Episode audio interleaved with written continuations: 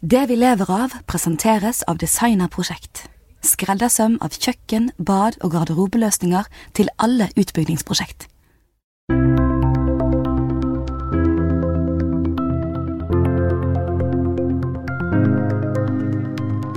Oppdretterne må betale mer i skatt. Det mener Havbruksskatteutvalget.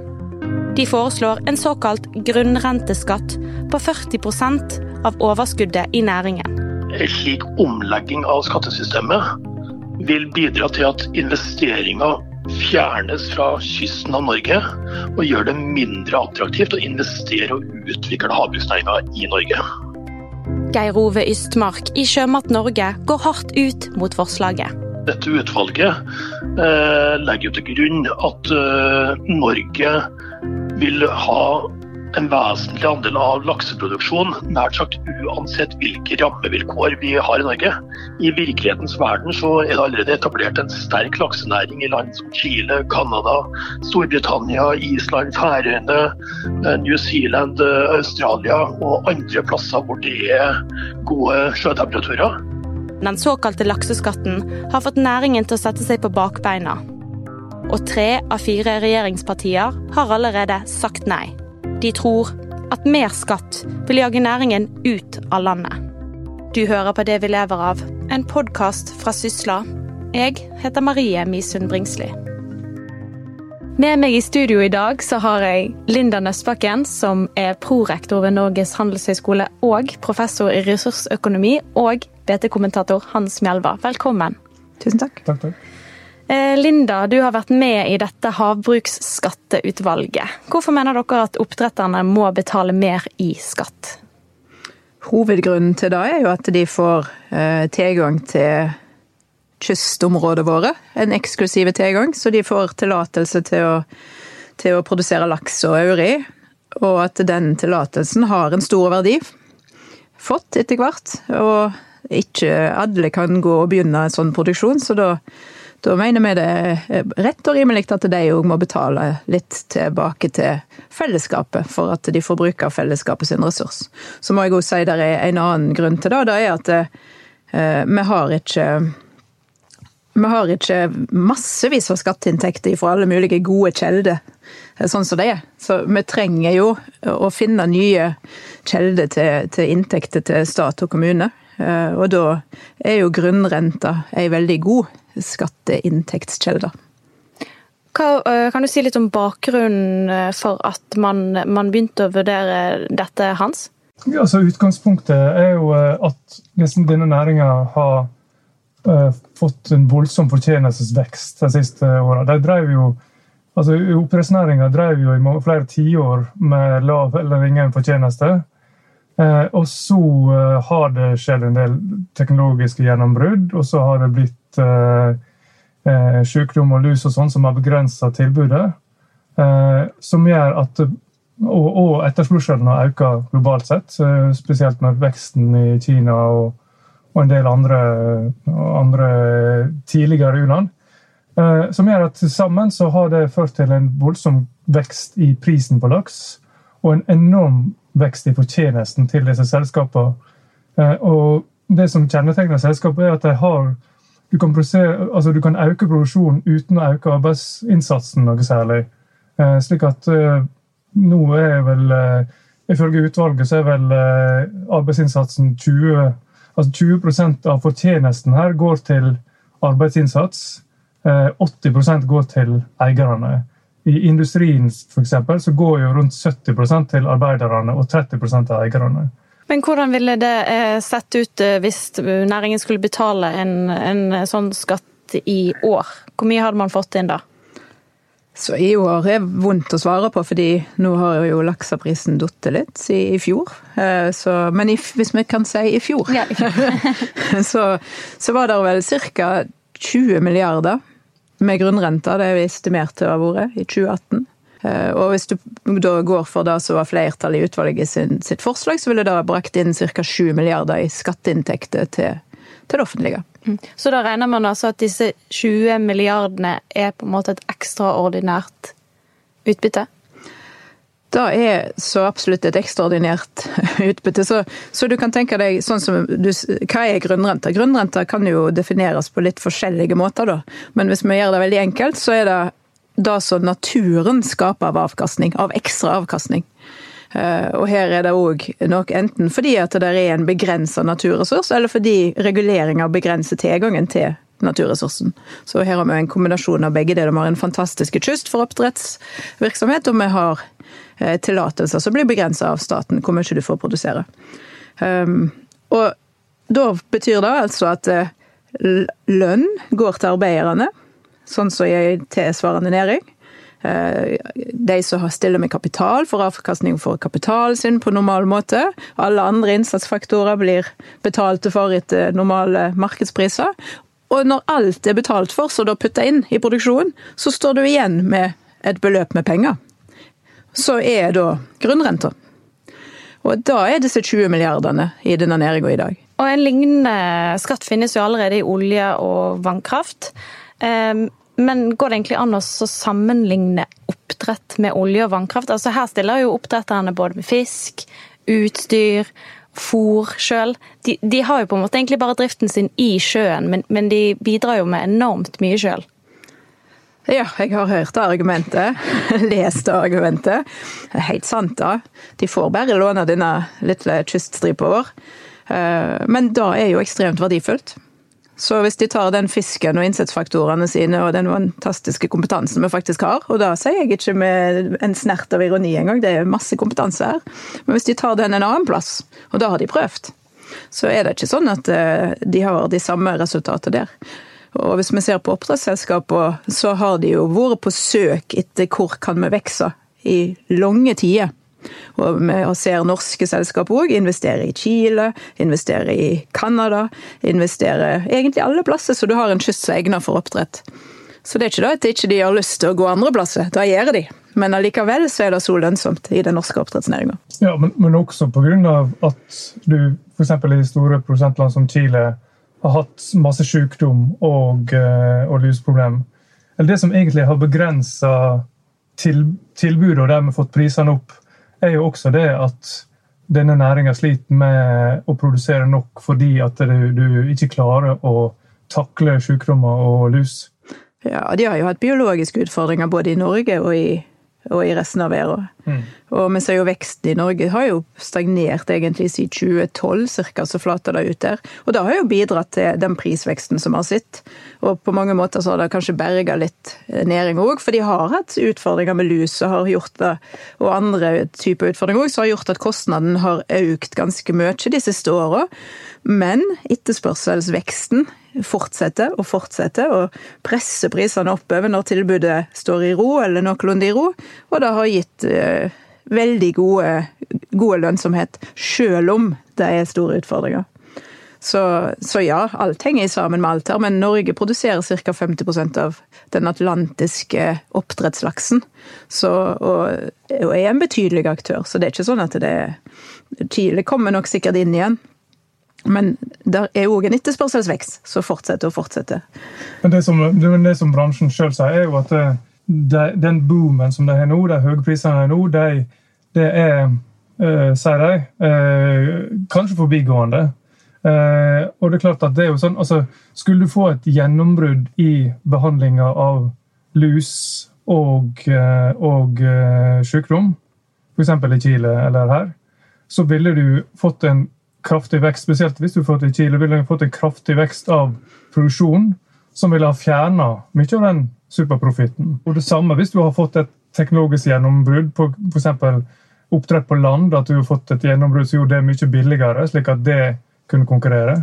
Så ville jo også eh, ha blitt kvitt den superprofitten, og dermed så ikke ha et grunnlag for å ilegge den grunnrenteskatten. Jeg er jo helt enig i dette, og lønnsomheten vil svinge. og Det er en syklisk næring. Vi har jo sett gang på gang da, at lønnsomheten øker, og så kommer det mer inn av produksjon, tilbudet øker, og så detter prisene. Sånn. Så denne utviklinga har jo Det er jo ikke noe nytt, da.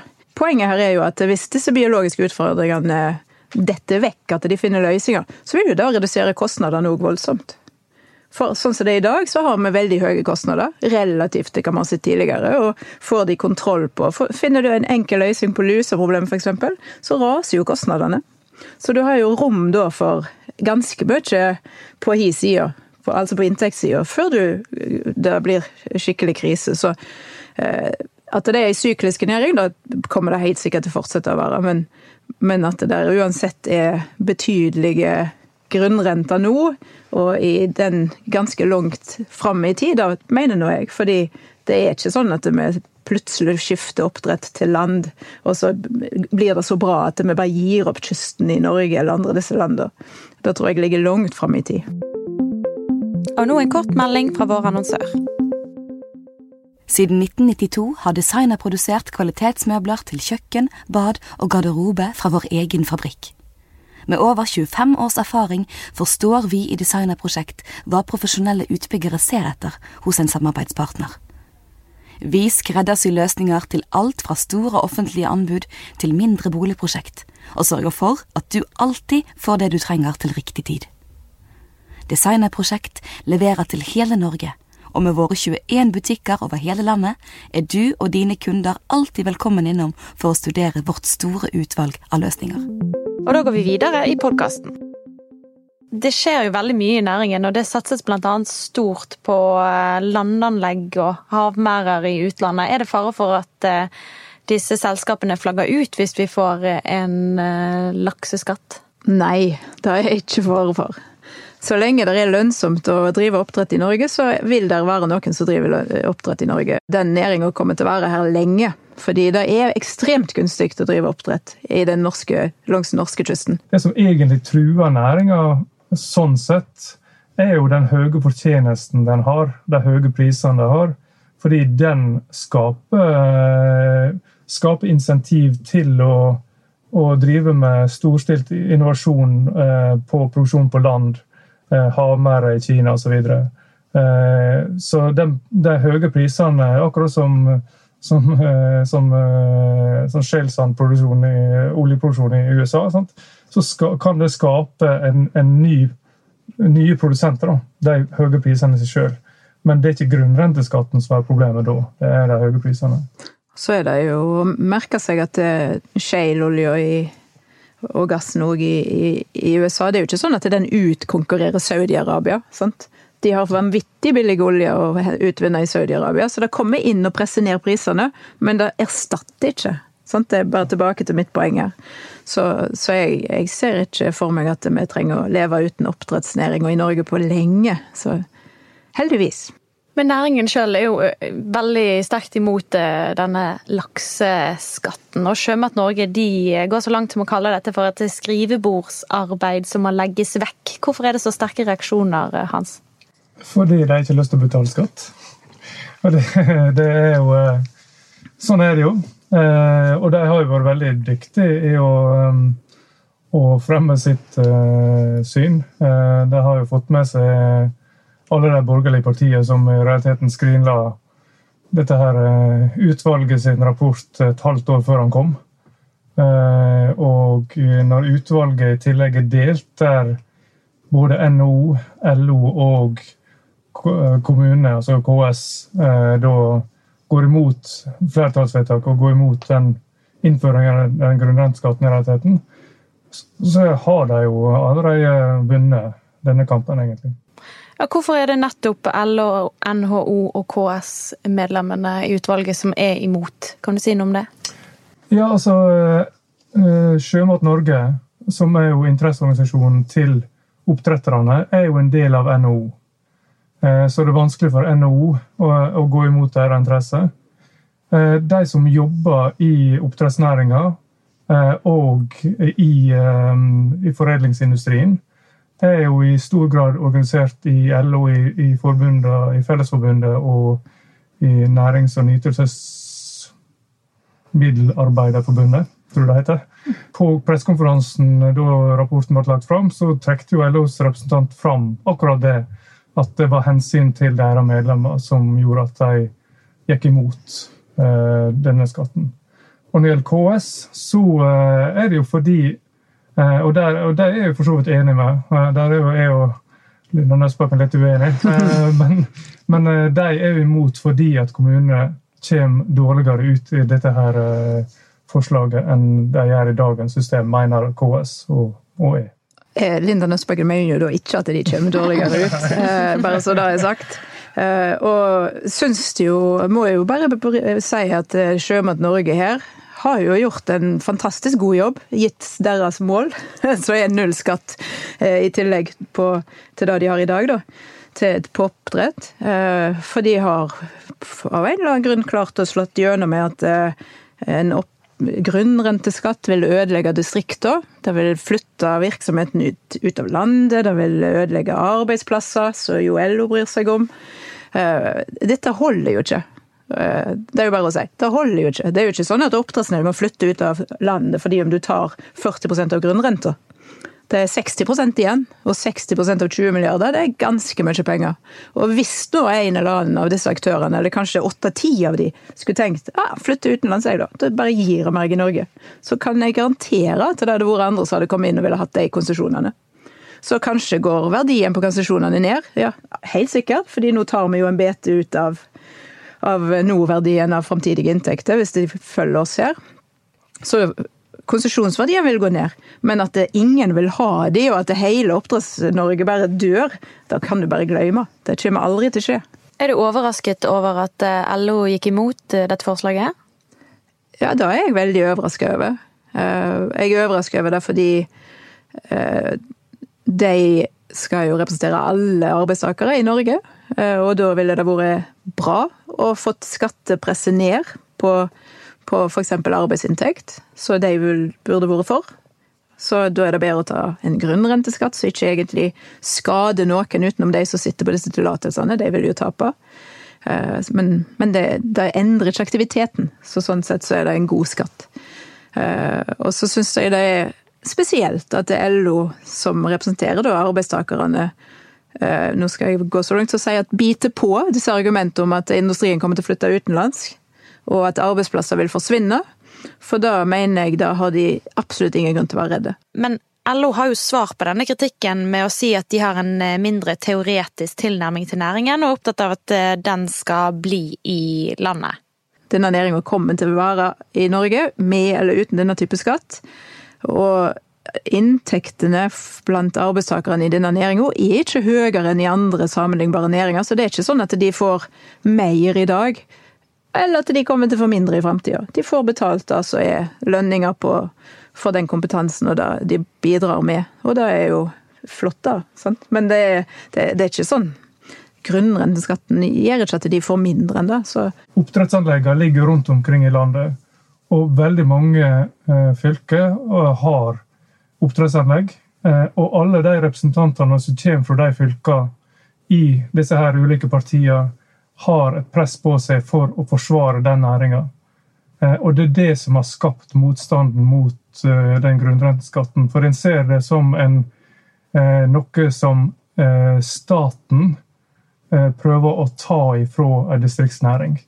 Jeg er jo ikke enig i at det helt er sånn. Altså når, når Jon Fredriksen, Kypros-baserte Jon Fredriksen er største eier i, i det største Eh, av oppdrettsselskapet her, Movi, så er det klart at alle, her, det er jo ikke sånn at alle pengene her går til, til eh, lokale helter eh, rundt om i distriktet. Veldig mye av pengene her går til, eh, til utenlandske eiere, til, eh, til Jon Fredriksen, amerikanske fond osv. Hvordan har det vært å jobbe med dette når det har vært så mye diskusjon om det nesten før dere har begynt? Det er jo veldig kjekt med diskusjon før vi har begynt, og føler du gjør noe viktig. da. Men når den diskusjonen fortsetter mens vi sitter inne, og du skal være høflige og spille etter spillereglene og ikke si noe høyt utenfor det rommet som du sitter i og diskuterer, og andre diskuterer, og til og med bestemmer seg for noe før du kommer ut fra dette rommet, så syns jeg det har vært veldig spesielt. Så jeg syns ikke det er bra, må jeg nå si. Så Nei, jeg syns det, er et dårlig tegn. Det bør ikke vi den veien bør vi ikke gå. Hvis ikke de brydde seg om hva vi skulle sagt, da får de bare ikke bestille rapporten. Bestiller du, så får du holde deg i ro. Der er jeg helt enig. Altså, jeg syns jo det er utrolig dårlig at partiene ikke avventer den rapporten som de selv har bestilt, og at regjeringspartiene da ikke Som, som Kjetil Bagle Alsheim i DN har påpekt, så har det jo en tendens det siste året at slike ekspertutvalg, NOU-er, har blitt avfeid før de kom, eller iallfall uten, uten at det har blitt en reell diskusjon, og uten at en har tatt rådene fra ekspertutvalgene på alvor, eh, så har jeg bare avfeid det. Eh, og det tenker jeg er for det, det er ikke bra. Altså for En bra ting med det norske systemet har vært at du har hatt, eh, hatt kunnskapsbasert politikk. Og en kan være uenig med det utvalget kommer her, men en bør jo vente og se hva de kommer med, og så argumentere deretter. Du skrev jo i en kommentar i Bergens Tidende at uh, denne rapporten ble torpedert allerede på uh, landsmøtene i vår. På hvilken måte ble den det? Nei, de borgerlige partiene, inkludert Senterpartiet, den grad det er et borgerlig parti, vedtok jo mer eller mindre tydelig at de ikke ville ha grunnrenteskatt på oppdrettsnæringa. Eh, og, og, klart, eh, da Det legger jo naturligvis eh, sterke føringer når alle partier som nå sitter i regjering, har landsmøtevedtak på at de ikke skal innføre dette, her, så er det jo ikke særlig sannsynlig at regjeringa kommer til å gå inn for det. Kan jo håpe de ser lyset før eller senere, for det er jo ingen skam å snu, som vi pleier å si. Eh, og jeg syns, det er ei skam å holde seg fast i den der at vi, eh, dette vet vi, og, og hylle liksom det er noen argumenter som er blitt brukte som er meget billige. Det er noe med distrikt, så de sniker inn i enhver kronikk om dette og enhver uttale om dette, og så er det distrikter de, de skal beskytte. Det er ikke distrikter. Vi vil jo beskytte distrikter, og når jeg sier vi nå, så mener jeg flertallet i, i, i rapporten. Og så er det en, en næring, en vekstnæring som er Norges framtid. Ja, det mener vi òg. Det er kjempebra. Det skjer masse bra der. Men nå er den næringa blitt voksen, og alle voksne møter etter hvert krav til at du òg skal være med og bidra, og det kravet kommer nå. Den, jeg tror ikke at oppdrettsnæringa skal føle seg for sikker på at denne kampen er vunnet en gang for alle. Etter at denne rapporten ble lagt fram på mandag, så var det mange politikere som var kjapt ute med å eh, si at eh, dette her eh, ikke kom til å bli noe av. Og annet Terje Søviknes han var ute og sa at denne saken er politisk død. Er han det? Altså, det, Jeg tror den er politisk død nå. Fordi du har alle regjeringspartiene har landsmøtevedtak på at de ikke skal innføre grunnrenteskatt. Selv om Venstre sine er litt tvetydige. Men eh, det er ingen grunn til å tro at regjeringa kommer til å fremme et forslag om å innføre grunnrenteskatt på oppdrettsnæringa, og de har jo flertall i Stortinget. Eh, eh, så det kommer ikke til å skje i denne stortingsperioden. Helt til slutt, er dette en diskusjon som kommer til å komme opp igjen om noen år? Det er jeg helt sikker på. Jeg er helt sikker på at det kommer opp i oppdrettsnæringa, og jeg er helt sikker på at det kommer opp i fiskeri. Og at vi får grunnrentebeskatning i begge. Så håper jeg for næringa skyld og for Norges skyld at vi får på plass et godt skatteregime. Der er jeg helt enig. Og det som kommer til å presse det fram, er behovet for skatteinntekter når oljeinntektene går ned. Takk for at eh, dere var med i studio i dag, Linda og Hans. Vi er straks tilbake med en ny episode av Det vi lever av. I mellomtiden så tar vi gjerne imot innspill til tema som vi kan snakke om i podkasten. De kan dere sende til podkastalfakrøllsysla.no, podkast med K. Henrik Svanevik er produsent for denne podkasten, og jeg heter Marie Misund Bringsli. Takk for at du hørte på.